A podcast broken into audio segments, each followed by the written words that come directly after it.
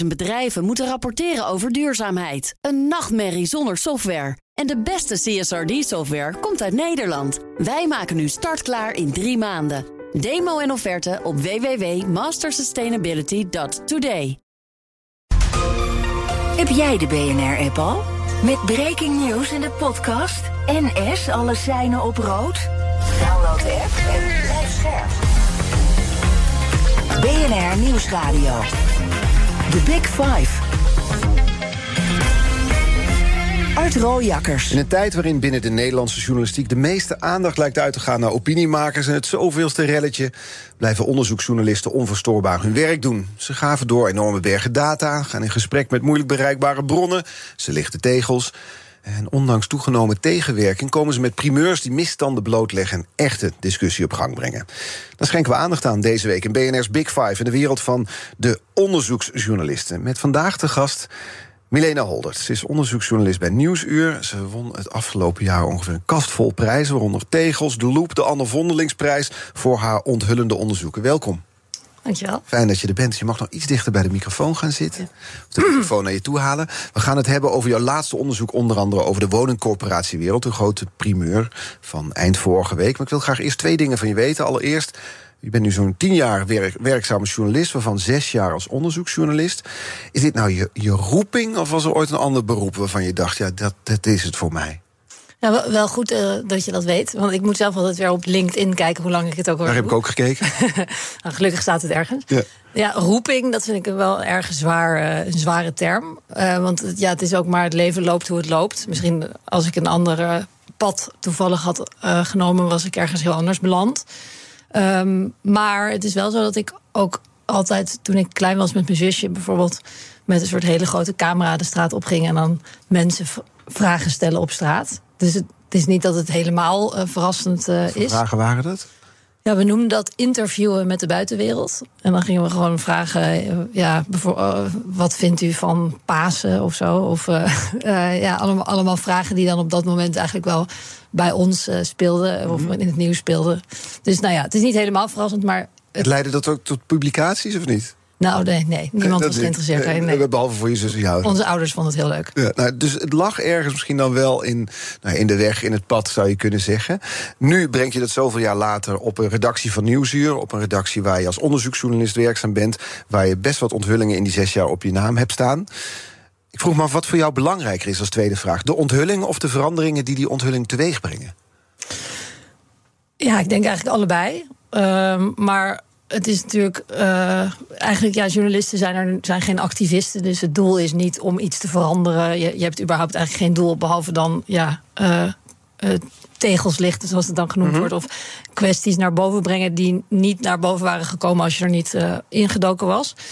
Um, maar het zou ook weer raar zijn om te zeggen dat het, dat het je helemaal niets uitmaakt wat voor effect het heeft. En mensen noemen dat dan impact. Dat vind ik niet zo'n heel mooi woord, maar de, dat is geloof ik wel een beetje wat ik bedoel. Als je wil wel dat er het graag over, hè? Impact. Oh ja? Ja, toch? Dat zijn van die hoofdredacteurs. Oh, oké. Okay. Nee, ik dacht uh, onze hoofdredacteur. Dat heb ik hem nog niet echt heel veel, heel veel horen zeggen. Maar uh, nee, ja, het, het, gaat meer over dat er wel gevolg wordt gegeven, denk ik, aan een verhaal. En dat, um, want als ja, het is ook, wij krijgen daar de tijd voor. Uh, in mijn geval oh, is, word ik ook nog betaald met belastinggeld. Dus het zou een beetje raar zijn als je dan maandenlang onderzoekt uh, en een onderzoek doet en dat mensen dan zeggen: ja, nou en? Wat, wat is hier nou interessant aan dat er helemaal niets gebeurt? Nee, dat, dat maar, staat op de rots is, het doet verder niets. Er groeit niks ja, uit. Ja, ja. Ja, Je publiceerde afgelopen week samen met Nina Jansen van de onderzoeksredactie van de NOS uh, een onderzoek naar de dubbele petten van woningcorporatiebazen. Als ik het heel kort samenvat, komt er volgens mij op neer commissarissen en bestuurders bij. Zo'n twintig woningcorporaties blijken privé huizen te verhuren om geld mee te verdienen. Mag helemaal niet. Uh, nou, het mag wel. Um, uh, ja, want het, is het, het verhuren van huizen is sowieso natuurlijk niet. Dat doen zoveel mensen. Mm -hmm. um, maar uh, ja, het is meer dat er een integriteitscode bestaat binnen die sector. Uh, dat je een voorbeeldfunctie moet hebben als je in de top zit bij die corporaties. Een voorbeeldfunctie namens de hele sector.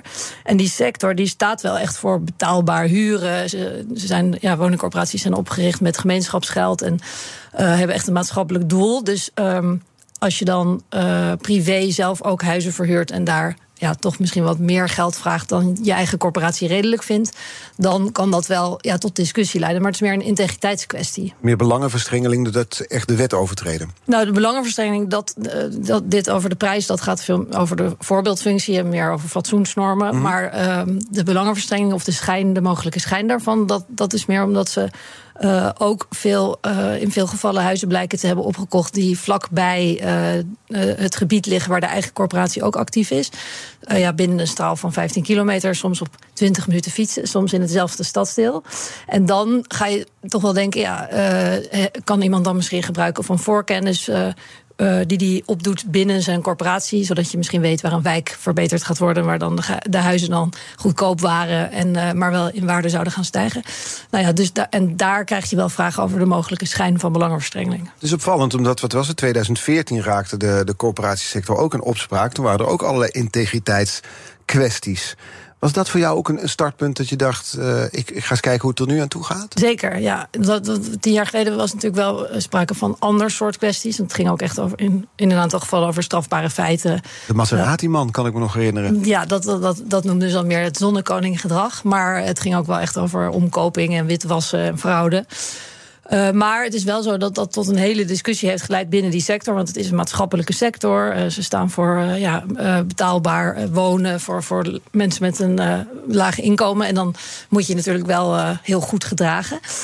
en toen zijn de integriteitsregels ook heel erg aangescherpt. En ja, worden eigenlijk al die bestuurders en commissarissen regelmatig krijgen ze trainingen en cursussen in ja, hoe, hoe ben je integer? Doe ik nog wel het goede? Kan ik dit nog uitleggen als ik mezelf in de spiegel kijk? En nou ja, het idee was wel dat tien jaar later dat dan zo was doorgedrongen in de hoofden dat, dat uh, ook dit soort kwesties niet meer zouden spelen. Maar dat blijkt dus wel het geval. En in hoeverre speelt zo'n geschiedenis, zo'n zo voorgeschiedenis dan mee in een keuze om dit te onderzoeken? Nou ja, als een sector helemaal geen regels heeft dan, uh, ja, dan moeten wij zelf regels gaan verzinnen. Maar wij zijn niet zo interessant wat wij daarvan vinden. Het is natuurlijk interessant om te kijken wat de regels binnen de sector zelf zijn. En of zij zich daar dan aan houden. En nou ja, het zijn dan dus codes. Het zijn dus niet echt afdwingbare regels. Maar uh, wel ja, normen die de sector zichzelf heeft opgelegd. En, en dat is dan interessant om te onderzoeken of ze zich daar uh, aan conformeren of niet. Ja, waar begint zo'n onderzoek als dit?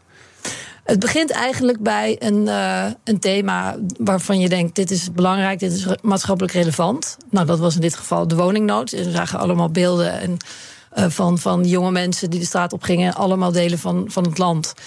Die zeiden: Ik, uh, ik wil een betaalbaar huis. Ik, ik zit bij mijn ouders of ik betaal hele hoge huren. En dan um, nou, ga je kijken: wat, wat, wat is nou precies de problematiek? Dat gaat natuurlijk, er is veel te weinig gebouwd. Maar er speelt natuurlijk ook een rol dat er uh, een groep mensen is die uh, de afgelopen jaren veel huizen heeft opgekocht als beleggingsobject om te verhuren. En doordat er ook weinig huizen zijn, kunnen ze die prijzen ook weer opschroeven. En het is interessant dat het kabinet daar eigenlijk jarenlang dat gewoon heeft gefaciliteerd en uh, daarnaar, daarnaar stond te kijken. Maar nu mhm. ineens zegt, ja, dat gaan we aanpakken met minister De Jonge, die aangewezen is als minister van Volkshuisvesting. En die ineens zegt, ja, dat gaan we allemaal anders doen en we gaan de woningcorporaties weer een grote rol geven. En dan worden de woningcorporaties weer interessant. En dan ga je kijken, hé, hey, ja, wie, wie, wie zitten daar nu, wie trekken daar nu eigenlijk aan de touwtjes? En, uh, en ook dus naar die integriteitsregels. Is dat uiteindelijk waar je in meerdere onderzoeken naar op zoek bent? Waar ligt de macht? Ja.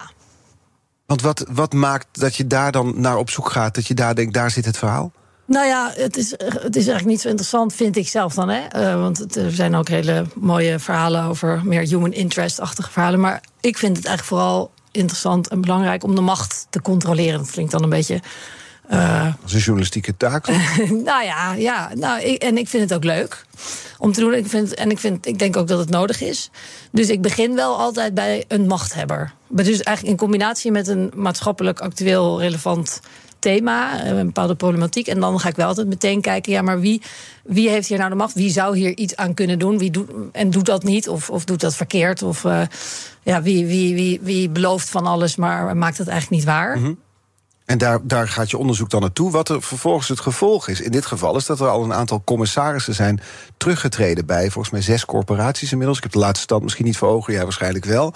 Um, dus het heeft ook een bepaald effect op die, ik noem het nog even, de machthebbers. Hoe, hoe kijk je daarnaar? Um, ja, dat is. Uh ik, ik, dat is natuurlijk ook een, een, persoonlijk drama voor die mensen. Dus dat is niet. Uh, ik vind het soms ook wel moeilijk. Dat ik, ik zou ook laatst zeggen mijn vader: ja, sommige mensen die hebben een beroep.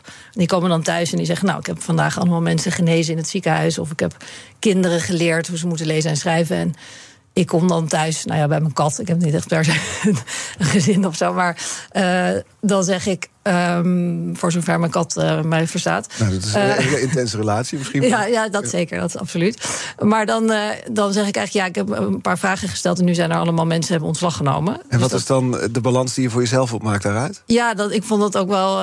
ik, vind, ik voelde ook wel mee met dat dat, dat dat ook wel echt een persoonlijk drama voor die mensen is. Maar ja, mijn vader zei toen ook, maar goed, ja, je, er, moet ook, er moeten ook mensen zijn die die vragen stellen. En het leidt toch wel tot een hele relevante discussie. En ze treden toch ook niet af zomaar. Want dat had ook toch niet per se hoeven als er niks aan de hand was. En, nou ja, maar goed, het is niet altijd leuk. Sommige mensen zeggen, nou wat een succes, geweldig. Er zijn allemaal mensen afgetreden. Maar dat, dat, eh, dat voel ik eigenlijk niet zo. The Big Five. Art Rojakkers. Met vandaag de gast Milena Holdert, onderzoeksjournalist bij Nieuwsuur. Um, we hadden het in het begin over, ja, is het nou een roeping of niet? Je zei dat is een te zwaar woord, vind ik, voor wat ik doe. Wat is jouw drijfveer om juist dit werk zo uit te voeren? Het is intens werk dat je verricht. Nou ja, in, in, denk in begin, in beginsel nieuwsgierigheid en belangstelling. Uh, maar dat intense werk, inderdaad, dat je beschrijft, dat weet ik niet zo goed waar dat vandaan komt. Maar wel, ik denk wel dat als je de macht wil controleren, als we dan maar even die, uh, die zware terminologie gebruiken, dat je dan, dat moet je dan wel doen. Want je moet het heel goed uitzoeken en alles moet kloppen. En je moet ook altijd drie stappen vooruit zijn. Uh, nou ja, drie stappen verder dan degene die je aan het controleren bent. Mm en of, of, die misschien zich gaat ontpoppen tot tegenstander. Want, want anders dan, uh, ja, dan werkt het niet. Want de macht is niet voor niets een machthebber. Die heeft heel veel macht, die is heel sterk. Is een grote partij. Dus je moet dat doen. En anders dan, uh, ja, dan, dan, dan verlies je het gewoon. Ja. ik zeg intens, omdat ik sprak een bevriende collega van je. Die zei, ja, soms is ze twee maanden van de radar. Dan zie je verhoor niet. Dan, en dan weet ik, dan is ze met iets groots bezig. Het, het neemt je leven over, soms onderwerpen. Ja, zeker. Ja. Daarom noem ik het intens. Ja, nee, ik ben dat, eh, op zich is dat ook een, eh, een terechte kwalificatie. Ja, en dus is het dan, want je zei ja, het is geen roeping, maar er zit wel een, een grote motivatie achter. En dat is dus die macht, die macht controleren. Ja, ja, en die macht controleren, dat kun je als journalist beter. Want je zei in het begin, vond ik interessant, journalisten zijn geen activisten. Klopt. Wat is de scheidslijn? Nou ja, dat is, activisten willen echt iets veranderen. Die hebben een bepaald doel voor ogen. Die doen iets met een, met een reden dat ze X of Y willen bereiken. Um, dus, dus, maar mijn enige doel is eigenlijk dat ik iets wil laten zien wat anders niet aan het licht was gekomen. En dat vervolgens dan de, het publiek of de Tweede Kamer, die kan daar dan weer verder mee. Die kan dan iets doen daarmee. En ik vind het dus wel belangrijk uh, zoals ik eerder zei, dat, um, dat er gevolg wordt gegeven aan een verhaal. Natuurlijk, want als dat niet zo zou zijn, dan zou het ook een beetje onzin zijn wat ik doe. Maar wat dat dan precies is, dat is dan vervolgens wel aan, aan anderen, niet aan mij. Nee, daar, daar rust het dan, dan nemen zij het werk over. Ja, dan kan ik ook weer verslag van doen en kijken of, de, hoe, of, ja. of zij hun werk wel goed doen. Of er wel de juiste vragen worden gesteld. Want je deed onderzoek naar woningcorporaties, maar ook bijvoorbeeld naar bagagepersoneel op Schiphol. Je deed onderzoek naar mondmaskers in de ouderenzorg. In de coronatijd was dat. Dat klinkt voor de luisteraar luisteraar, denk ik, als hele diverse onderwerpen. Is de rode draad dan toch tussen al die dingen de macht? Nou, de rode draad is denk ik steeds een maatschappelijk relevant thema. Dus dat kan ook bijvoorbeeld zijn uh, het salafisme, een fundamentalistische stroming binnen de islam, die uh, vanuit landen als Saoedi-Arabië wordt geëxporteerd naar uh, moskeeën in Nederland en naar islamitische weekendscholen. Dat je dan ziet, nou, dat, daar zit een bepaalde problematiek in. Dat raakt ook de samenleving. En dat je vervolgens kijkt wie is daar de machthebber. Nou, dat was in dit geval het ministerie van Buitenlandse Zaken, die al jaren wist dat dat gebeurde, maar dat geheim hield voor de Tweede Kamer. Um, maar dat, ja, een maatschappelijk relevant thema kan dus ook zijn natuurlijk corona. Nou, dat, dat zal niemand uh, betwisten. En uh, de machthebber bij uh, corona was dan het ministerie van Volksgezondheid. Maar ook het RIVM. Want ja, de, de, de medische wetenschappers werden eigenlijk ook een beetje op het schild gehezen als de nieuwe beleidsmakers destijds. Moest op hen varen. Precies, dus dat, dat, ja, toen gingen we het RIVM controleren. En um, dat, was, dat uh, kwam ons trouwens ook wel op kritiek te staan uh, in die tijd. Dat ze zeiden, ja, de, waarom zeiden ook andere journalisten... Waarom, wat ben je nou aan het doen? En uh, bewaar nou de kalmte, want we zitten toch in een crisis. Terwijl ik mhm. dacht, nou ja... Waren dat dan collega's op de redactie of kwam dat van andere redacties? Nou ja, dat kwam van allerlei verschillende hoeken. Van, niet, niet zozeer van, van onze redactie. Nee, maar, maar omdat, dat, dat was gewoon een beetje de algehele bij de werkwijze van het RIVM? Ja, omdat je vragen stelde bij de macht op dat moment en omdat je echt in een crisis uh, zat. En ik denk juist. En wat dat... is het dan het verschil tussen jou en die andere journalisten? Die andere journalisten die zeggen: Kom op, we zitten in een crisis, laten we even de neus dezelfde kant op. En jij denkt: nee, die macht moet bevraagd worden. Nou ja, misschien dat, je, uh, dat het verschil is dat ik dan toch altijd los blijf staan van die macht en, uh, of van, van de status quo. Of, uh, en dat kan ook wel gevaarlijk zijn, want het kan inderdaad zijn dat als ik dan vragen ga stellen, dat het dan problematisch wordt voor mezelf. Dus het, het was natuurlijk tijdens. Nou ja, tijdens corona was natuurlijk ook heel beangstigend voor heel veel mensen. Dus het is dan ook heel moeilijk om te zeggen: Nou ja, ik ga alsnog heel kritisch zijn op het RIVM. Als je misschien denkt dat dat tot. dat dat hele grote consequenties heeft voor je eigen persoonlijke leven bijvoorbeeld. En heb je dat meegemaakt? Die persoonlijke uh, consequenties? Nee, ik helemaal niet. Maar ik kan me voorstellen dat, dat het zo ingrijpend was. Dat, dat, uh, dat je als journalist ook zegt: Ja, ik uh, wil heel even afwachten wat er gebeurt. En ik ga nu niet meteen op de voorste rij allemaal kritische vragen stellen aan het RIVM. Ik wil even afwachten. Dat kan ik me heel goed voorstellen. Mm -hmm. Uh, en ik, uh, ik ben zelf, zit gewoon anders in elkaar. Ik ga dan alsnog toch die vragen stellen. Misschien wel uh, met, met negatieve consequenties voor, voor mezelf. Maar dat is dan maar zo. Heb je voor jezelf ooit jezelf afgevraagd of proberen te onderzoeken waar dat vandaan komt? Dat jij anders in elkaar steekt? Nee, ik denk dat iedereen, ja, mensen zijn gewoon anders. Dat, zo, zo ben je geboren. Ja. ja. of zo word je gevormd. Dat kan natuurlijk ook door bepaalde situaties die je meemaakt. Of ja, opvoeding. Ik denk toch meer dat, dat, dat, dat, je, dat ik zo geboren ben. Ja. Oké, okay. laten we daar maar even bij dan. Dan ben ik wel benieuwd, dan ga je dat dus onderzoeken, het RIVM... of bijvoorbeeld het onderzoek naar de werkomstandigheden... van de bagagepersoneel op Schiphol. Bleek, uh, nou ja, dat bleek een zaak te zijn. Die bagagehandelaars hadden al vaker geklaagd over hun omstandigheden. Deed de arbeidsinspectie te weinig of eigenlijk niets mee? Klopt een beetje, hè? val ik het goed samen? Ja, alleen was dat nog niet bekend. Want nee. die hadden, ze hadden, er waren wel meldingen gedaan bij de arbeidsinspectie... maar de, daar, uh, ja, de arbeidsinspectie had die niet echt beschouwd als melding... Um, dus, uh, dat, dat, daar, dus ze zijn nu de hele meldingsstructuur weer aan het herzien. Maar... Ik denk eigenlijk dat je, als je melding deed, dat het nooit tot een categorie kwam dat er een onderzoek moest komen. Ja. ja. Nou ja, als ze, als ze en masse hadden gemeld, misschien wel. Maar het waren. Ze, die, uh, heel veel bagagemedewerkers zeiden ook: ja, uh, waar moet ik dan melden? De arbeidsinspectie, die zie ik helemaal nooit. En die werkt vast wel samen met mijn bazen hier. Er was niet echt heel veel vertrouwen in, in, uh, in de overheid en, en de arbeidsinspectie. En dat snap ik ook, want als die inspectie daar ook gewoon helemaal niet komt, 12 jaar, ja. Wat moet je dan zelf gaan googlen en dan maar gaan iemand gaan bellen? Dat komt helemaal niet op in hun op om dat te gaan doen. En de inspectie zei: ja, ja, als je niet meldt, dan uh, ja, moeten wij dat dan weten? Maar toen bleek dus achteraf dat er wel degelijk allerlei meldingen waren gedaan. Maar goed, dat, dat was eigenlijk meer een gevolg. Dat was eigenlijk meer een uh, follow-up verhaal. Uh, in eerste instantie hebben uh, mijn collega Ben Meinertsma van de NOS en ik gewoon eigenlijk ja, geïnventariseerd. Um, wat dat zware werk nou eigenlijk betekent voor de mensen in de bagagekelder op Schiphol. Die dus de koffers in en uit de vliegtuigen tillen en sjouwen. En dat zij dus ja, allemaal met, of nou allemaal, maar we hebben tientallen mensen gesproken die um, eigenlijk met dezelfde soort lichamelijke klachten kampten. En er waren ook bedrijfsartsen op Schiphol die ook anoniem in eerste instantie, die later is er één naar buiten getreden, maar uh, die, die dat ook bevestigden. En, en we kwamen achter allerlei interne stukken van de bagageafhandelaars.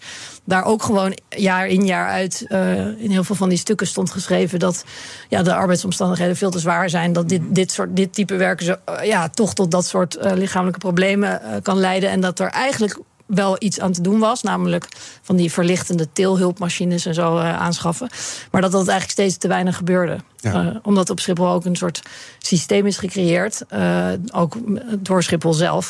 dat een soort ja, race to the bottom. Ja. Concurrentie ja, tussen die bagagehandelaars. Ja, ja, ja, precies. Ja. Je ziet dus dat je dan in jouw, jouw onderzoeken zijn het grote partijen waar je over uh, bericht. Of het nou Schiphol arbeidsinspectie is, of het RIVM, pardon, of woningcorporaties.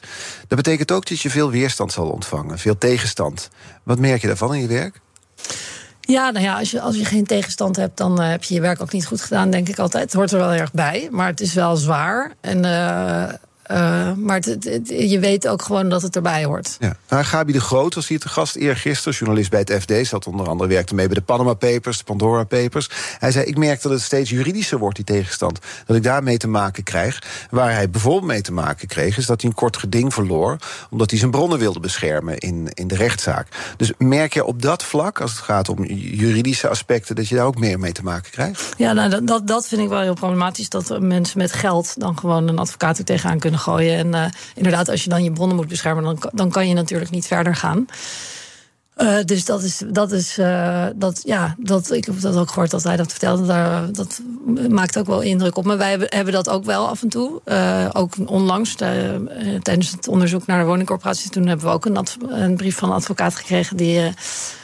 nou ja, maar goed, daar eh, daar, daar, ja, dat, dat is inderdaad gewoon problematisch. Dat klopt. Vooral, vooral omdat mensen met geld dat vooral kunnen doen. Hè? Ja. Dus, uh, maar het hoort erbij, is dat? Nou, of ja, zie je het meer toenemen in die zes jaar tijd? Ik vind dat, ja, het hoort er in principe bij, maar het is natuurlijk niet dat ik het omarm. Ik nee. vind eigenlijk dat, dat, dat ze ermee op moeten houden. Maar het is wel, uh, uh, ja, hoe, hoe, groter de macht, hoe sterker de weerstand. Ja, dus je merkt ook, een verhaal is niet klaar wanneer je het eenmaal gebracht hebt bij nee. de NOS bij Nieuwsuur. Er komt een hele, hele wereld achteraan. Ja, ja. Dat, dat, blijft heel lang doorgaan. Dat betekent ook dat het onderzoek van vorige week dat je gebracht hebt, daar zit je nu eigenlijk nog in dus. Daar zit ik nu nog helemaal in. Ja. ja. Hoe, hoe lang duurt zo'n nasleep van een verhaal? Is er iets zo'n tijdspan ja, dat, op te plakken? Eigenlijk misschien wel voor altijd. Want je blijft het toch altijd in de gaten houden. Een soort van als. Uh, een soort, het zijn een soort kindjes die je dan eerst heel goed. Uh, je houdt ze heel goed in de gaten en kijkt of ze kunnen lopen. En zo. En op een gegeven moment dan worden ze zelfstandig en dan kan je het wel weer wat meer laten. Maar je blijft het volgen. Hopen dat ze niet vallen. Ja, nou ja het, blijft, het blijft toch een onderdeel van jezelf. Het vormt jezelf ook. Dus uh, ja, je, blijft, je, kan, je kan het nooit helemaal loslaten. En het komt ook altijd toch op een gegeven moment weer terug in de toekomst. En dan, dan denk je weer, oh ja, dan, dan, dan, je wil toch het. Nou ja, ik, ik wil het in ieder geval niet loslaten. Ik praat zo verder met nieuwsuur onderzoeksjournalist Milena Hollert over welke puzzelstukjes zij nou allemaal nodig heeft om haar onderzoeken uit te voeren. Blijf luisteren.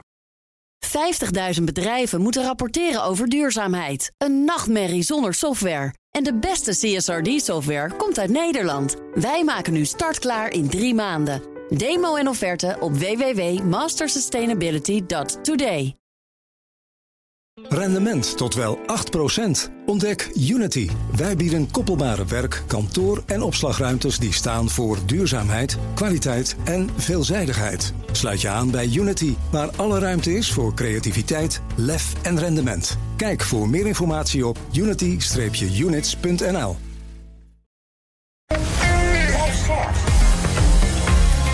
BNR Nieuwsradio. The Big Five. Art Rooijakkers. Welkom bij Tweede Half Uur. Deze week vijf kopstukken uit de wereld van de onderzoeksjournalistiek.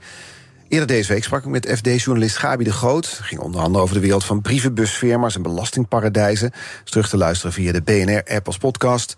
En vandaag de gast Milena Holdert. Ze is onderzoeksjournalist bij Nieuwsuur. Bracht vorige week nog een groot verhaal over woningcorporaties. En commissarissen en bestuurders daar die ook zelf dan nog woningen verhuren. Uh, komend half uur wil ik graag nog twee onderwerpen sowieso met je bespreken. Namelijk de toekomst van de onderzoeksjournalistiek en jouw eigen werkwijze. Als ik dan met het laatste begin, ik vroeg me nog af, want dan heb je zo'n groot verhaal. Dan werk je maanden aan over die woningcoöperaties. Dat wordt dan eind vorige week gebracht bij Nieuwsuur. En dan op zaterdag gebeurt er dat in Rusland. Zit je dan thuis te denken van, wat een shit timing? Nou ja, er gebeuren altijd allerlei uh, dingen tegelijkertijd. En uh, nee, daar denk ik dan eigenlijk niet dat aan. Dat nieuws denk alles even wegdrukt, lijkt het dan. Ja, maar dat is ook wel terecht. dus uh, nee, ik denk ook altijd uiteindelijk komt dat dan. Ik, ik, weet, ik weet ook dat er in die sector enorm veel gaande is. En dat daar een hele discussie op gang is gekomen. En dat er in de komende tijd nog heel veel gaat gebeuren. En verder moet het nieuws natuurlijk gewoon doorgaan. En uh, ja, dat kan niet echt gaan wijken voor mijn onderzoek. Nee, snap ik. Maar je kan soms hopen van nou, als het nu maar even ja, wat nieuwsluwer is dat bijvoorbeeld. Hoort er, dat hoort erbij. Ja, dat is niet iets wat bij jou speelt. Ik ga je de kettingvraag voorleggen. Want gisteren was hier te gast Daniel Verlaan van uh, RTL Nieuws. Techjournalist, onderzoeksjournalist. Hij had deze vraag voor jou. Zij is een van de meest gevierde onderzoeksjournalisten van Nederland. Um, ik ben wel heel benieuwd wat, wat voor dromen zij nog heeft. Snap je, als onderzoeksjournalist eh, heb je, uh, leef je echt van scoop naar scoop naar scoop. Maar zij heeft zoveel erkenning voor al haar scoopschat. Wat, heb, wat wil je nog meer? Wat zou je nog meer willen? En ik ben wel gewoon benieuwd in wat haar dromen nog zijn. Dat lijkt me heel interessant. Wat wil je nog meer? Ja, nou ja, uh, mooie woorden van Daniel. Dus uh, dankjewel, Daniel. nee, uh, maar ja, nee, scoops en erkenning en zo, dat is ook heel eervol en heel leuk. Maar ik vind het werk zelf toch eigenlijk wel het allerleukst. En daar is nog volgens mij ont zo ontzettend veel te doen, wat helemaal niet past in een mensenleven. Dus ja, ik, dromen, ik heb erover nagedacht. Een droom is eigenlijk ook vaak een metafoor voor iets dat, ehm, dat je eigenlijk dat helemaal niet in de werkelijkheid zou kunnen gebeuren, gebeuren. Of wat je ook niet zou willen dat het zou gebeuren, denk ik. Maar het gaat misschien meer over de vraag als je dan denkt aan fantasie. En dan zou ik wel uh, een luistervinkje willen zijn. Dat dan um, uh, op belangrijke dagen op dinsdag, woensdag en vrijdag... bijvoorbeeld uh, in Den Haag bij de ministerraad en de onderraden... en daar een beetje kan, ja, kan, kan, kan luisteren Kolibrie kan er rondzweven en alles kan horen. Ja. Ja, want wat hoop je dan mee nou ja, te krijgen alles, wat we nu niet weten? Alle geheimen. Ja, die er zijn daar, maar die we nu niet meekrijgen. Ja. Dat, ja, je, je, brengt nu zelf de politiek op. Dat brengt mij op het idee als je, zoals jij zegt, ik wil de macht controleren. Dat is ook een functie van journalist. Een andere manier om dat te doen is door de politiek in te gaan. Zou dat iets zijn? Hè, je brengt nu verhalen. Die, waarmee je verandering teweeg wilt brengen. Zou dat iets zijn dat je op een gegeven moment denkt: ja, misschien is dat een vervolgstap in mijn carrière? Ja, maar dan, moet je, dan gaat het ook wel heel erg over het hebben van een specifieke ideologie uh, en een politieke kleur. Terwijl ik juist heel erg uh, wars van, van, van, van politieke kleuren ben. Ook geworden. Uh, ik vind het ook eigenlijk helemaal niet zo interessant. En ik heb ook wel het idee, ik zie bijvoorbeeld nu ook in het. Um, in het onderzoek naar woningcorporaties, dat ik dan benaderd word door verschillende raadsleden die dan heel erg geïnteresseerd zijn en, en verder willen gaan op, op de woningcorporatie in hun gemeente. Maar zij hebben bijvoorbeeld geen toegang tot kadaster. Of nou ja, dat zouden ze misschien wel kunnen hebben. Maar dat, dat hun, het controleren van hun macht gaat wel niet zo ver als mijn uh, controlefunctie, denk ik. Of in die zin mijn, mijn instrumenten. Misschien heb je nu wel meer invloed, bedoel je? Nou, mijn instrumenten reiken verder. Dus het is, het is een, heel ander. Het is, ik, heb, ik, ik heb meer instrumenten, denk ik uiteindelijk. Ook weer niet, want, want als Kamerleden die kunnen natuurlijk vragen stellen en dan moet er antwoord op komen. Maar goed, um, ik vind het toch, de journalistiek ik vind het vrijer omdat je geen politieke kleur hoeft te hebben. Omdat je ook niet in een soort politiek stramien hoeft te, eh, te huppelen. En omdat je um, ook vrijer bent in, in de keuze van instrumenten. Ja, een leuke woordkeuze, huppelen. ja. Ik zat te denken, je hebt, je hebt natuurlijk ook politici die, noem ze toch maar even activistisch, of die een bepaald thema tot zich nemen en dat dan helemaal eigen maken en daar, zich daarvoor inzetten. Renske Leijten hebben we gezien, of, of Pieter Omzicht. Dat zijn natuurlijk politici die, ja, ja, huppelen die dan mee in een politieke kleur proberen zijn, net als jij de macht te controleren. Ja, dat doen ze natuurlijk zeker. Maar ik bedoel meer dat ik zelf het gewoon ingewikkeld vind om het vanuit toch een politieke kleur te doen. Want dan heb je toch wel een bepaald doel dat anders is dan alleen maar zeggen: ik wil dit aan de kaak stellen en dan is het vervolgens aan de samenleving. Dan moet je ook gaan nadenken: ja, wat wil ik dan vanuit een bepaalde ideologie? Dan wil ik dat het zo gaat of zo gaat.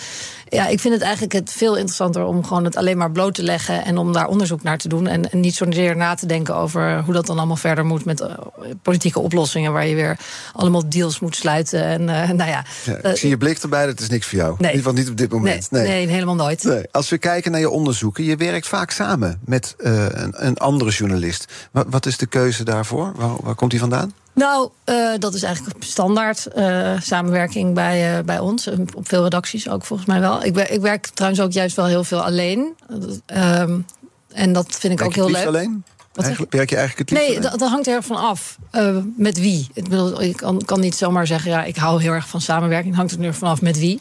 Ik heb veel samengewerkt met mensen die, denk ik ook net als ik er heel erg van houden om lang met iets bezig te zijn en het ook niet saai gaan vinden en niet denken na een week, nou ja, nou is het wel weer eens klaar. Dus uh, dat, dat vind ik heel belangrijk. En ik heb ook met mensen gewerkt, ook van de kranten, bijvoorbeeld met Rest van de Ham van Trouw en met Andreas Kouwen van NRC, die ook een bepaalde expertise uh, hadden. Um, en, uh, en, en ook uh, nou ja, hele goede onderzoeksjournalisten zijn. Um, maar uh, ik zit nu eigenlijk sinds kort in de, um, in de, in de gezamenlijke onderzoeksredactie van de NOS Nieuwsuur. Mm -hmm. Onder leiding van voormalig hoofdredacteur Joost Oranje. en ja, dat is. er wordt samengewerkt in Hilversum. Ja, inderdaad. Dat, dat, dat, is ook, dat heeft hij eigenlijk. Dat is hij aan het uh, heeft, hij, heeft hij de start voor gegeven. En dat gaat eigenlijk best goed. En het is ook heel interessant, omdat NOS is natuurlijk een enorme organisatie met heel veel verschillende platforms en kanalen en, en, en doelgroepen die, dus, die ze bedienen. Uh, en ik heb dus onlangs samengewerkt met Nina Jansen van NOS Stories. En die, uh, nou, die heeft een enorm bereik onder jongeren. Mm -hmm. Die weet ook heel goed hoe je YouTube moet maken uh, gericht op die doelgroep. Dus je kunt dan onderzoeksjournalistiek op heel veel verschillende platforms en heel veel verschillende groepen eigenlijk uh, beschikbaar maken. Het en... valt me op op zo'n dag als dat verhaal van de woningcorporatie naar buiten komt, dan zie en hoor je jou echt op alle platforms ja, van, ja. Uh, van de NOS. Nou ja, ja, dus we zijn nu nog een beetje aan het experimenteren hoe dat dan gaat. Maar het, je merkt wel dat als je echt als je veel meer met elkaar samenwerkt. Want we zitten eigenlijk met elkaar in een gebouw uh, in Hilversum, het NOS-gebouw. Maar Nieuwsuur zit dan op een aparte verdieping. En het ministerie hebt... van Televisie, dat hele lelijke betonnen gebouw. Ja, daar. inderdaad, een heel lelijk gebouw. Maar je komt elkaar dan wel eens tegen. Maar er is, er is wel een soort samenwerking dat je af en toe naar elkaar verwijst. Maar verder dan dat ging het eigenlijk op, op het gebied van onderzoeksjournalistiek niet. En uh, terwijl er heel veel mensen bij de NOS zijn die dat heel interessant vinden en ook heel veel ideeën hebben. En nou, Joost je probeert dat bij elkaar te brengen. En we hebben natuurlijk nu als hoofdredacteur, nieuwe hoofdredacteur, of nou, hij zit er nu al een tijdje. Pieter Klein. Pieter Klein, bekend van de toeslagenaffaire. En mhm. die weet als geen ander wat onderzoeksjournalistiek is. En die geeft daar ook de ruimte voor. En die begrijpt ook dat het tijd kost. En die waardeert dat ook heel erg. Dus dat is wel echt een fantastische omgeving waar we nu zitten. Ja. Je denkt dus na dan over een vorm. Dat doe je ook dus in NOS op 3. Want die weten dan weer hoe ze het op YouTube zo goed mogelijk moeten brengen. In de reportage bijvoorbeeld de woningcorporatie speel je zelf ook een, een rol. Je komt in beeld, je bent een verteller. Op wat voor manier is die vormgeving, die manier waarop je verhalen vertelt, aan het, is dat aan het veranderen? Of is, ben je daar zelf heel erg mee bezig? Hoe werkt dat eigenlijk? Ja, nee, dat is wel heel erg aan het veranderen. En ik vind dat zelf ook soms wel ingewikkeld, omdat ik eigenlijk liever achter de camera uh, sta. En uh, ja, ik ben ook geen presentator, dat kan ik ook helemaal niet. Uh, maar ja, vanuit het idee, vanuit, vanuit YouTube en on, online redacties ook wel het idee dat het ook wel heel goed werkt als je juist wel als maker ook daarover zelf vertelt. Dat dat ook voor, voor, voor veel mensen ook heel leuk is om te horen. Ja, en zodat we ook weten wie dat verhaal brengt als, als, als kijker. Ja, dus we proberen daar een beetje een soort balans in te vinden. Dat, dat ik proef ongemak als ik nee Ja, nou, dat ik niet te veel uh, in de presentatierol, maar wel vertellen. Zoals hier. Dat, vertellen erover, dat vind ik geen probleem. Maar mhm. die rol op televisie, dat is af en toe nog een beetje ingewikkeld. Omdat het gewoon eh, niet de kern is van mijn vak. Maar ik vind het wel, ik snap het wel. En ik denk ook dat het goed is dat we er naar kijken. Want ja, je ziet ook gewoon dat heel veel jonge mensen die kijken gewoon niet meer naar de naar de televisie. En uh, die kijken dan naar YouTube en andere kanalen. Dus je moet daar wel heel goed over nadenken om die ook te blijven bereiken met dit soort verhalen. Ja. En heeft het dan het feit dat je in beeld komt... we hadden het eerder al over die tegenwerking die je kan ondervinden bij je werk. Een van de aspecten als je in beeld komt, kan ik uit ervaring zeggen... is dat er ook alle ongevraagde meningen op je afkomen... van mensen die van alles over die spuien. Ja, maar dat vind ik helemaal niet zo interessant. En wat er wel, wat daar achteraan komt, is dat die tegenwerking... kijk, bij mij, ja, ik ben maar gewoon een presentator. Jij bent een onderzoeksjournalist die tegels ligt... waarbij mensen denken, die vrouw, die, ik hou al liever een beetje uit mijn buurt. Merk jij dat je op die manier tegengewerkt wordt... naarmate je meer in beeld komt? Ja, maar zoveel ben ik nou ook weer niet in beeld... dat iedereen mij nu herkent. Nee? Bijna toch altijd Na deze uitzending anders hoor, als je straks de straat op gaat. nee, eigenlijk elk, uh, dus niemand kent mij. Dus uh, dat duurt wel heel lang. Je moet wel heel veel in beeld zijn, denk ik. Dus op die manier merk je dat niet? Nee, nee, nee. Ik sprak dus, ik zei het al, met Gabi de Groot eerder, FD-onderzoeksjournalist. Hij had het over de WOO-onderzoeken. Dat is eigenlijk de opvolger van de WOP, hè, nieuwe wet openbaarheid ik heeft die tweede ook kwijt. Het is weer wet overheid. Over, wet open wet overheid. Open overheid ja. Het is de wet open overheid. Um, hij krijgt die documenten helemaal zwart gelakt terug. Is dat ook jouw ervaring? Ja, dat is al jaren eigenlijk staande praktijk. En uh, ja, er is inderdaad, eerst heette het de WOP en nu heet het, heet het de WO. En uh, ik hoorde Gabi ook al zeggen dat er eigenlijk in de kern weinig is veranderd. Met, mm Ook al heet het dan anders. Uh, en dat is ook zo. Ja, ik, ik, zit, ik zit ook nog steeds in een procedure verwikkeld met het ministerie van uh, premier Rutte van Algemene Zaken. Nog steeds over uh, stukken die ik wil hebben over de beginperiode van corona. Ik ben nu in een klachtenprocedure eigenlijk verwikkeld. Dan misschien komt daar binnenkort iets interessants over naar buiten. Oh. Maar uh, ja, nee, verder zie je eigenlijk niet zo heel veel verschil. Het blijft gewoon heel lang wachten. En vaak als je het dan krijgt, zijn de stukken zwart gelakt. Maar goed, het is ook wel eens zo dat ambtenaren iets vergeten zwart te lakken. Dat er dan ineens staatsgeheimen in staan. Dat is, uh, hebben, hebben, we ook meegemaakt. Oh ja? Uh, ja. Dat ze gewoon het verkeerde weglakken? Uh, nou het ja, verkeerde niet weglakken? Ja, precies. Ja, eigenlijk wel. Ja, ja. Dus het, het is ook vaak zo dat ze toch iets laten staan... omdat ze zelf niet precies weten dat dat eigenlijk misschien wel heel interessant is. Dus het blijft toch... Wie zijn die mensen die zitten te lakken, vraag ik me meteen af dan. Uh, nou, wopjuristen. Ja, ja, en die weten dan niet wat de staatsgeheim nou, ja, is het, het, is maar net hoe je het weegt en in welke context je het weer plaatst. Dus dat kan toch allemaal wel interessant zijn. Ja. Maar er is nu wel uh, met een nieuwe WO... is er wel een, een beetje een ingewikkelde clausule gekomen. Die is wel nieuw. En um, ja, daarmee kunnen eigenlijk ministeries vragen om, uh, ja, kom maar, dan zeggen ze eigenlijk, kom maar gewoon langs. Dan, dan gaan wij helemaal niks lakken. Dan mag je gewoon alles ongelakt zien met alle persoonsgegevens en staatsgeheimen en wat oh, Halla lijkt me, maar, onderzoeksjournalisten. Uh, ja, misschien, want je, maar je moet wel een geheimhoudingsverklaring ondertekenen. Uh, want dan gaan ze zeggen, nou, ik moet heb je duizend pagina's of zo. Dan kan jij vervolgens zeggen, nou, deze 200, die wil ik echt hebben. Dat scheelt hun weer tijd. Dan hoeven ze alleen die 200 vervolgens te gaan bestuderen en te gaan lakken. Het kan ook zijn dat ze zeggen, je krijgt ze helemaal niet. Of dat je ze wel krijgt, maar dan half gelakt. En dat dan precies die informatie die jij gezien hebt, die heel interessant is, dat je daar niks mee mag doen, want je hebt de geheimhouding uh, ondertekend. Hou je daar toch gewoon niet aan? Ja, nou ja, dat dacht ik ook. Dus ik vroeg hoe, eh, hoe lang duurt die geheimhouding en eh, wat is dan de straf als je, als je het doorbreekt. En uh, nou, toen was het antwoord: ja, er zit eigenlijk geen einddatum op. En de straf is een gevangenisstraf van ten hoogste een jaar of een boete in de vierde categorie, dat is uh, ruim 20.000 euro. Dus eigenlijk word je dan een soort medeplichtig gemaakt van uh, ja, van, van, van geheimen van de macht. Eigenlijk als een soort van uh, bewaker uh, van, van, van die informatie. En nou ja, moet je je voorstellen dat je daar gewoon iets heel belangrijks in hebt gezien. En je denkt, ik moet dit naar buiten brengen. Dat is gewoon je, je journalistieke beroepseer. En dan, nou, dan moet je dus gevangenis in of dan moet je heel veel geld betalen. Je zou dat... kunnen redeneren dat als je iets weet, je hebt zo'n geheim stuk gelezen, dan kun je het op andere manieren in ieder geval proberen te bevestigd te krijgen. Ja, maar het, het is dan ook weer zo dat je moet dan wel kunnen aantonen dat je het op een andere manier hebt verkregen dan via dus het ministerie. Dus dan betekent het dat je je bronnen moet gaan prijsgeven. Ja, dus dan kun je geen anonieme bron opvoeren, bijvoorbeeld. Nee, nou ja, dus het is allemaal nog een beetje in ontwikkeling en uh, iedereen gaat er weer anders mee om. Maar het is toch wel problematisch, want je, het voelt toch een beetje alsof je als journalist daardoor minder vrij wordt. Ja, omdat je medeplichtig wordt gemaakt, zoals je zegt. Ja. Je ziet iets waar je vervolgens niet over mag berichten. Precies, je wordt eigenlijk soort, zelf een soort ambtenaar. 50.000 bedrijven moeten rapporteren over duurzaamheid. Een nachtmerrie zonder software. En de beste CSRD-software komt uit Nederland. Wij maken nu startklaar in drie maanden. Demo en offerte op www.mastersustainability.today. Rendement tot wel 8%. Ontdek Unity. Wij bieden koppelbare werk, kantoor en opslagruimtes die staan voor duurzaamheid, kwaliteit en veelzijdigheid. Sluit je aan bij Unity, waar alle ruimte is voor creativiteit, lef en rendement. Kijk voor meer informatie op unity-units.nl. BNR Nieuwsradio. The Big Five. Art Rojakkers. De Big Five gaat over onderzoeksjournalisten deze week. Later deze week praat ik nog met NRC-journalist, voormalig nieuwsuurjournalist Bas Haan. We hebben het over zijn onthullende onderzoeken, zoals die naar de Deventer-moordzaak. En vandaag de gast Milena Holdert, onderzoeksjournalist bij Nieuwsuur. Als we het hebben over de staat van de onderzoeksjournalistiek in Nederland. Er zijn prijzen. Uh, er is een speciale week hier op BNR in Big Five. Is er genoeg waardering voor het vak van onderzoeksjournalist, vind je? Nou ja, dat, uh, dit, dit, toont wel dat er in ieder geval waardering is. Um, het blijft wel altijd lastig, omdat je heel lang met iets bezig bent. En dat mensen dan toch ook wel vaak. Als je collega's denken: kom eens op met het verhaal. met iets, ja. Sta ik alweer een weekend te doen, een weekenddienst ja. te draaien. Maar nou ja, ik, ik vind ik ook ingewikkeld in te schatten. Ik denk dat we, dat we best blij kunnen zijn uh, met de waardering van, van onderzoeksjournalistiek in, de, in, in Nederland.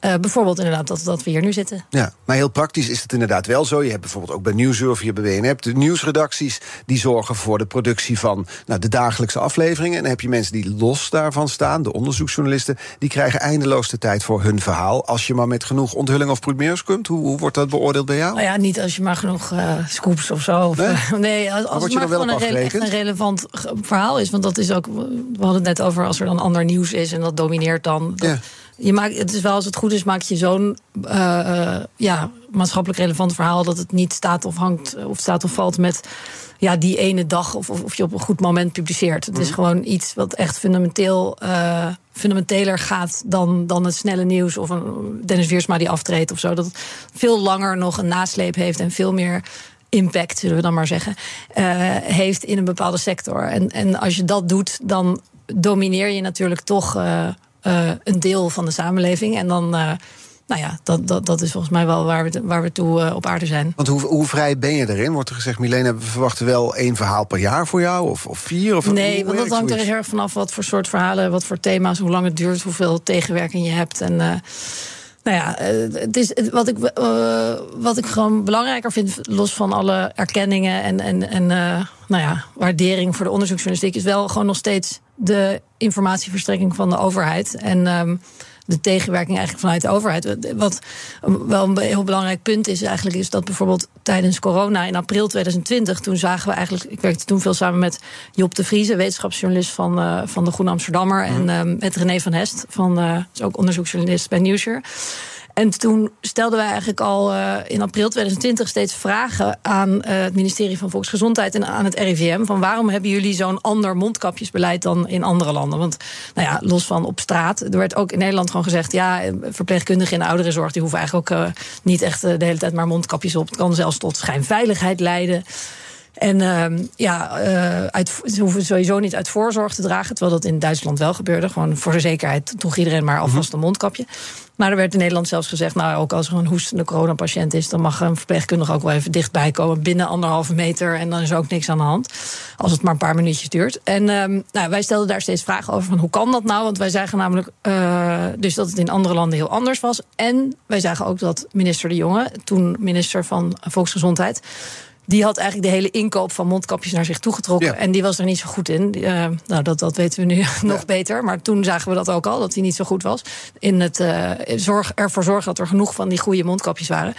Dus wij dachten, ja, het RIVM zit heel dicht bij het ministerie van Volksgezondheid. Zou het misschien uh, zo kunnen zijn dat die mondkapjesadviezen van het RIVM niet zozeer medisch-wetenschappelijk van aard zijn, maar meer gericht ja, om, omdat het uh, op, op schaarste of om, omdat het uh, handig uitkomt voor de minister. Uh -huh. En je had het over tegenwerking vanuit de overheid. Ja, Daar nou, gewoon in dit verhaal. Ja, zeker. Daar kom ik ook op. Okay. Want toen stelden wij er dus vragen over. En toen vroegen wij ook of er contacten waren over dat soort documenten. Of, of er contacten waren over die adviezen tussen het ministerie en het RIVM. En toen zeiden ze: nee, uh, ja, er is alleen mondeling ad hoc contact, dus er zijn geen stukken. En. Uh, ja, en het ministerie zei ook steeds: nee, wij hebben absoluut geen invloed daarover op gehad. We hebben helemaal niet meegeschreven. Het is allemaal medisch, wetenschappelijk enzovoort. En toen anderhalf jaar later kregen wij pas de uh, stukken van de, de WOP destijds. Mm -hmm. Waarin gewoon stond allemaal e-mails. Dus helemaal niet alleen maar mondeling ad hoc contact. waren gewoon allemaal e-mails. En er stonden allemaal. Um, ja, ambtenaren van het ministerie die gewoon zeiden: zet dit even in die richtlijn. Want uh, we zorgen er even voor dat er niet zoveel mondkapjes moeten zijn. Anders komt er een run op die mondkapjes. Mm -hmm. Dus pas dat even aan.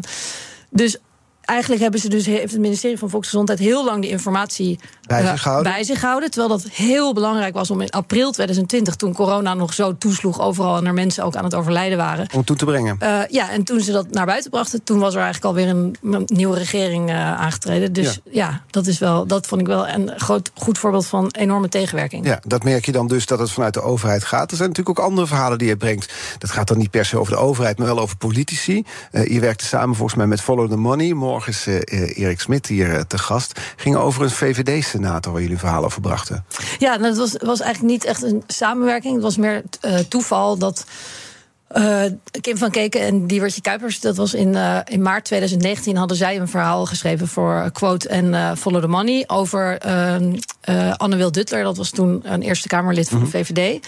En zij hadden eigenlijk aangetoond dat zij actief was bij ICT-bedrijven van haar man. En dat zij in de Eerste Kamer had gepleit voor zaken die gunstig waren voor, voor die bedrijven. Um, nou, en dat, hadden, dat publiceerde zij in maart 2019, vlak voor de Eerste Kamerverkiezingen. Die dus gingen over de Eerste Kamer. En, um, en zij maakte onderdeel uit van de grootste fractie uh, in de Eerste Kamer, de VVD. Dat was toen nog de grootste.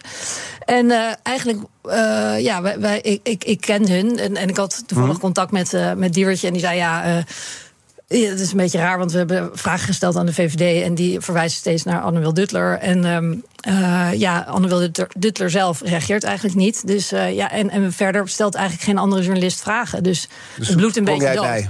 Nou ja, ik dacht meer, wat, ik ging al kijken, is er dan ander heel groot politiek nieuws of zo? Want dat was echt vier dagen voor de verkiezingen of zoiets. En ik zag eigenlijk helemaal niks, dus ik snapte het niet. En toen dacht ik, nou, ik ga zelf maar eens vragen stellen. Dus toen heb ik uh, de VVD opgebeld en gezegd: Nou, wat is jullie reactie op dat uh, verhaal? En toen zei de woordvoerder: Nou, uh, ik weet niet waar je het over hebt, welk verhaal. Toen zei ik: Nou, ik mag hopen dat je dat wel gelezen hebt, want het gaat over een senator mm -hmm. van jullie partij. En oh, maar gaat Nieuwsuur of NOS dan daar iets mee doen? en toen zei ik: Nou, misschien wel. Oh, oh, oh oké. Okay. en toen zei Ik bel je straks terug. En toen werd ik een paar uur later teruggebeld. En toen zei hij ineens: de VVD stelt een uh, integriteitsonderzoek in naar mevrouw Duttler. Nou ja, dus de, binnen een paar uur was, was dus het van. geregeld. Ja, was dus van. Ja. Uh, we weten niet waar het over gaat naar uh, integriteitsonderzoek. Ja, zo snel kan het gaan. Ja. Ik, ik ga je helpen naar de kettingvraag toe. Want we schieten enorm door de tijd heen. Wat jammer is, want ik kan nog veel langer met jullie spreken. Maar morgen is dus Erik Smit de gast van Follow the Money. Wat zou je van hem willen weten? Nou, of er misschien nog een onderzoek is op dit moment. waar wij als Nieuwsuur of NOS vragen over zouden kunnen stellen. Ja, de uitnodiging is het in zekere zin. Ja. ja. We gaan gaat het er morgen vragen. Dank, Milena Holdert. Je gaat niks zeggen over welke onthullingen er nog aankomen. U bent ongetwijfeld met meerdere dossiers bezig op dit moment. Uh, nou ja, ik ben eigenlijk nu, nu vooral met de woningcorporaties bezig. Oké blijven volgen dan. Dank voor je komst vandaag. In die drukke tijden was ze toch hier. Onderzoeksjournalist van Nieuwsuur, Milena Holdert. Eh, onze uitzendingen zijn terug te luisteren als podcast... via de bekende podcastkanalen of onze eigen app. Hoef je geen aflevering te missen. En nu op deze zender Ivan Verrips van BNR Breekt. Tot morgen. 50.000 bedrijven moeten rapporteren over duurzaamheid. Een nachtmerrie zonder software. En de beste CSRD-software komt uit Nederland. Wij maken nu startklaar in drie maanden. Demo en offerte op www.mastersustainability.today.